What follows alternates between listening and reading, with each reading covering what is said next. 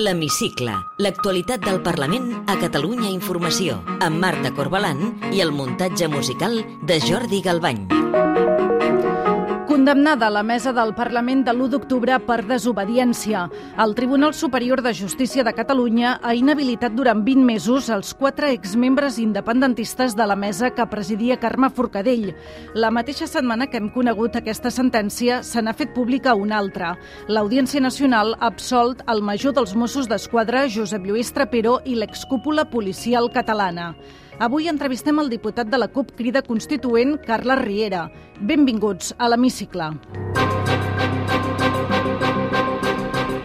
Immenses gràcies per haver defensat la llibertat d'expressió, per haver defensat el dret d'iniciativa parlamentària, per haver defensat la veu, en definitiva, dels catalans i les catalanes. Moltíssimes gràcies i, de nou, benvinguts a la que serà sempre casa vostra. Gràcies. El president del Parlament, Roger Torrent, rebia dimecres al seu despatx d'audiències els exmembres de la mesa condemnats. Són Lluís Coromines, Anna Simó, Ramona Barrufet i Lluís Guinó. S'enfronten a una pena de 20 mesos d'inhabilitació i a una multa de 30.000 euros cadascun per haver tramitat les anomenades lleis de desconnexió de l'1 d'octubre. En canvi, el tribunal ha absolt la llavors diputada de la CUP, Mireia Boia. De tots ells, només n'hi ha un que segueix de diputat al Parlament, Lluís Guinó, de Junts per Catalunya, que va ser rebut al ple amb els aplaudiments d'una part de l'hemicicle. Honorat de ser diputat d'aquesta cambra, seu de la sobirania popular, Guinó aprofitava el ple per demanar que es deixi de portar la política als tribunals. El que demanaria és que eh, a totes aquelles forces polítiques que donen suport a aquest tipus de política de traslladar la política eh, als magistrats i a la capacitat de decisió d'aquests magistrats eh, es deixés de fer. Les eleccions es guanyen a les urnes la Junta de Portaveus també va voler expressar el seu suport als condemnats amb una declaració aprovada per Junts per Catalunya, Esquerra i la CUP. Consideren que aquesta sentència evidencia l'enorme injustícia de l'empresonament de Carme Forcadell, condemnada per sedició per aquells mateixos fets i que ara han comportat una pena per desobediència. Mentre que l'exmesa del Parlament era condemnada, el major dels Mossos, Josep Lluís Trapero, era absolt per la seva actuació l'1 d'octubre. L'Audiència Nacional tampoc ha castigat l'actuació de l'excúpula d'Interior en contrast amb la condemna a l'exconseller Quim Forn de 10 anys i mig de presó. El vicepresident del govern, ara en funcions de president Pere Aragonès, plantejava aquests interrogants. La pregunta és òbvia. Què hi fa el conseller Forn a la presó? De la mateixa manera que la pregunta és òbvia respecte a la sentència del Parlament. Què hi fa la, la presidenta Forcadell a la presó? Què hi fan els presos polítics a la presó quan s'està desmuntant la causa general contra l'independentisme?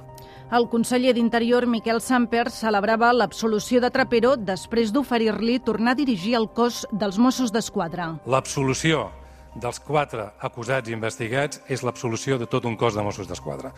Mai haurien d'haver tingut dubtes sobre el seu treball, sobre la seva professionalitat.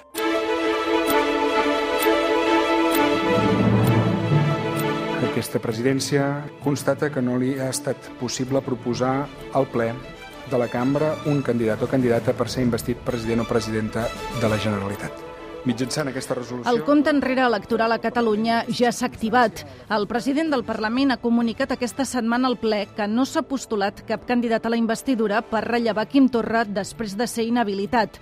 A partir d'ara s'obre un període de dos mesos. Si el 22 de desembre no hi ha hagut investidura, es dissoldrà automàticament el Parlament i les eleccions es faran 54 dies després. Per tant, el 14 de febrer, si la pandèmia ho permet. Els grups van aprofitar el ple per donar el tret de sortida a la precampanya. Junts per Catalunya i Esquerra es marquen com a objectiu que l'independentisme superi el 50% dels vots, però no es posen d'acord sobre què passarà si s'assoleix aquest llindar. Per al republicà Sergi Sabrià, això no garanteix la independència per a l'endemà. Albert Batet, de Junts per Catalunya, creu que superar el 50% seria un punt d'inflexió. Tenim el llindar del 50% de vots a l'abast i cal que treballem tots junts per superar-lo. I no serà un element definitiu. I qui ho insinuï enganyarà, Des de Junts per Catalunya insistim que les pròximes eleccions són una oportunitat pel conjunt de l'independentisme de conjurar-nos per reforçar-nos i superar el llindar del 50%. Estic convençut que tots estarem a l'alçada. La diputada de la CUP, Maria Sirvent, acusava el govern de no haver fet res per avançar cap a la independència. Ha estat un govern més caracteritzat per les baralles i les pugnes partidistes, per al repartiment de cadires i no pas per posar sobre la taula la responsabilitat que tenim. La resta de grups de l'oposició van coincidir a demanar que es deixi enrere el procés. Sentim Carlos Carrizosa, de Ciutadans, el socialista Miquel Iceta, Jessica Albiach, dels Comuns i Alejandro Fernández, del Partit Popular. No nos podemos permitir otra legislatura perdida. No hay tiempo que perder. La crisis sanitaria y económica que estamos sufriendo exige que dejemos atrás la inestabilidad y la división del procés. Catalunya ha guanyat quan ha estat unida. Així doncs, els proposo que retrobem els camins de la unitat i el progrés. Els proposo que deixem enrere la divisió i la inestabilitat. 2021 no pot tornar a ser l'any dels plebiscits divisoris. Ha de ser l'any dels grans acords. Nosaltres mantenim el nostre compromís de dedicar-nos en cos i ànima a la lluita contra la pandèmia i a la lluita contra la crisi econòmica. Té la paraula soc Carla Riera, diputat de la CUP Crida Constituent. Gràcies per atendre'ns a l'hemicicle de Catalunya Informació. Gràcies, moltes gràcies per la vostra atenció. Aquesta setmana s'han sabut dues sentències relacionades amb el procés. Una condemna a 20 mesos d'inhabilitació als exmembres independentistes de la mesa del Parlament per haver tramitat les lleis de l'UO.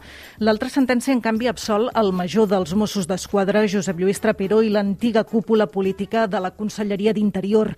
Com valora que en una mateixa causa hi hagi resolucions diferents? Jo crec que hem de valorar molt negativament, eh, malgrat l'excepció de l'absolució de la Mireia Boia, que és motiu de celebració, òbviament, eh, però hem de valorar molt negativament la sentència d'inhabilitació i multa als membres i les membres de la mesa, perquè amb això el Tribunal, l'Estat, està certificant que efectivament en aquest Parlament no es pot eh, debatre ni es pot votar sobre eh, l'autodeterminació, o que si ho fem, que ho haurem de fer, ha de ser sempre sota l'amenaça de, de la repressió. Per tant, ens estan situant el Parlament de Catalunya com un òrgan absolutament limitat pel que fa a la seva sobirania i pel que fa a les seves funcions polítiques. Òbviament, això és molt negatiu. D'altra banda, hem de celebrar l'absolució del major Trapero i del seu equip, perquè, òbviament, en aquesta causa contra l'1 d'octubre, en aquesta causa contra les mobilitzacions del 20 de setembre que van precedir l'1 d'octubre, qualsevol absolució, òbviament, eh, és motiu de celebració, evidentment. El president d'Òmnium Cultural, Jordi Cuixart, ha demanat que el Parlament aprovi una llei d'amnistia per després elevar-la al Congrés, que és qui té l'última paraula. Ho veu factible? Ho veig necessari. L'amnistia és la via forta, és la via políticament consistent i per tant nosaltres ens sumem a aquesta crida de Jordi Cuixart i treballarem amb tota la força i tot l'entusiasme per sumar, perquè això requereix un gran acord nacional i un gran acord social eh, a casa nostra, al nostre país. Farem tot el possible perquè el Parlament pugui tirar endavant aquesta iniciativa amb prou força com perquè impacti de forma decisiva en l'estat espanyol.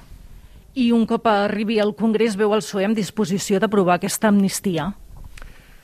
En aquests moments, eh, la posició del govern del PSOE i de Podemos és de negació d'aquells eh, aspectes fonamentals en els quals s'ha de basar tot diàleg i tota negociació política. El que hem de fer és, a través de l'estratègia eh, de l'independentisme, de l'estratègia democràtica, és crear les condicions per forçar que eh, es pugui crear un escenari de resolució del conflicte que inclogui tots aquests punts. Eh, per tant, el que hem de fer és treballar amb molta força i amb molta unitat per tal de, finalment, eh, aconseguir que aquesta agenda democràtica que inclou l'amnistia s'acabi imposant. Aquesta setmana s'ha activat al Parlament el compte enrere cap a les eleccions del 14 de febrer. Junts per Catalunya i Esquerres marcant com a fita que l'independentisme superi el 50% dels vots.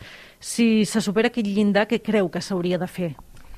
El que seria un contrasentit és que superéssim el 50% i l'opció continués sent governar l'autonomia, per tant, cal capgirar absolutament eh, aquesta situació. Nosaltres volem que el proper cicle polític, el que començarà amb les properes eleccions, sigui un cicle en el que realment puguem fer passes eh, decisives per exercir realment, no simbòlicament, sinó realment l'autodeterminació. I en cas que l'aritmètica parlamentària ho permetés, estaríem fins i tot disposats a entrar en un hipotètic futur govern independentista? Nosaltres estem en disposició d'assumir totes les responsabilitats i amb totes les conseqüències. S'hauria de fer un nou referèndum? Quan s'hauria de fer? Amb quin horitzó temporal? De, del que es tracta és de fer inevitable, de fer irreversible que eh, a nivell internacional s'arribi un acord de que cal fer un referèndum. Nosaltres ja en vam fer un, i això ens dona absoluta legitimitat per avançar unilateralment davant d'un estat que no vol dialogar per resoldre el conflicte. Això requerirà temps, suposo que no serà a curt termini. Eh, nosaltres eh, volem entrar en tal força al Parlament i volem activar talment la mobilització que ens agradaria que això es produís en el proper cicle polític, o que en el proper cicle polític ja avancéssim de forma molt decisiva i determinant eh, aquest nivell. Per tant, el desitjable per la CUP, l'objectiu seria poder fer el referèndum mm, la pròxima legislatura, abans del 2025. Poder arribar a forçar aquesta resolució democràtica del conflicte, poder eh, haver generat un, una, un moviment social i una acció de sobirania del nostre Parlament que faci irreversible i inevitable una resolució democràtica del conflicte a nivell internacional. Probablement, probablement la fórmula final més adequada, si mirem altres exemples, serà la d'un referèndum. Com definiria aquesta legislatura que ja estem acabant? Doncs, malauradament, ha estat una legislatura eh, de bloqueig. Junts per Catalunya i Esquerra van fer una opció que s'ha demostrat fallida. Eh, governar l'autonomia després del 155, hem anat enrere, i esperar una solució de l'Estat que no s'ha produït. Es veu una altra legislatura al Parlament o li agradaria fer alguna altra cosa? Miri, eh, jo, eh, tal com he dit, estic eh, a disposició eh, de la CUP per tal de eh, assumir totes les responsabilitats i amb totes les conseqüències i per tal d'anar a totes. L'exdiputat David Fernández seria un bon cap de llista? En David Fernández seria un excel·lent candidat. Què fa un sociòleg i un psicoterapeuta gestal com és vostè en política? A mi sempre m'ha interessat i m'ha apassionat i m'ha emplaçat personalment ha sigut sempre un repte molt important, eh, tot allò que és la interacció, la relació eh, entre els processos de canvi social i de canvi personal. Quina injustícia social l'enerva més? M'enerva profundament eh, el racisme, eh, la gent que és expulsada del seu habitatge. Em sembla que això és una violència brutal del sistema i del, i del capitalisme. Té alguna mania confessable? A casa tinc una mica de mania amb l'ordre es defensa bé davant dels fogons? Sí, sí, sí, la veritat és, la veritat és que sí. I algun plat que cuini especialment bé? Mira, darrerament l'arròs a la cassola. Amb quin diputat o diputada que no sigui del seu grup compartiria una sobretaula distesa? Compartiria una sobretaula amb el diputat Quim Torra, el, el president Torra, que mai hauria d'haver deixat de ser diputat, i jo crec que és un reconeixement i un honor que, que es mereix. És un humanista amb el qual sempre és un plaer eh, debatre i, i conversar. I ja per acabar, completi la frase següent. El que més m'agradaria del món és... Veure que la infància del món puguin mirar la vida i el món amb esperança i amb il·lusió i amb confiança. Carles Riera, diputat de la CUP Crida Constituent, gràcies per atendre'ns a l'hemicicle de Catalunya Informació. Moltes gràcies i també moltes gràcies a vosaltres per la vostra tasca.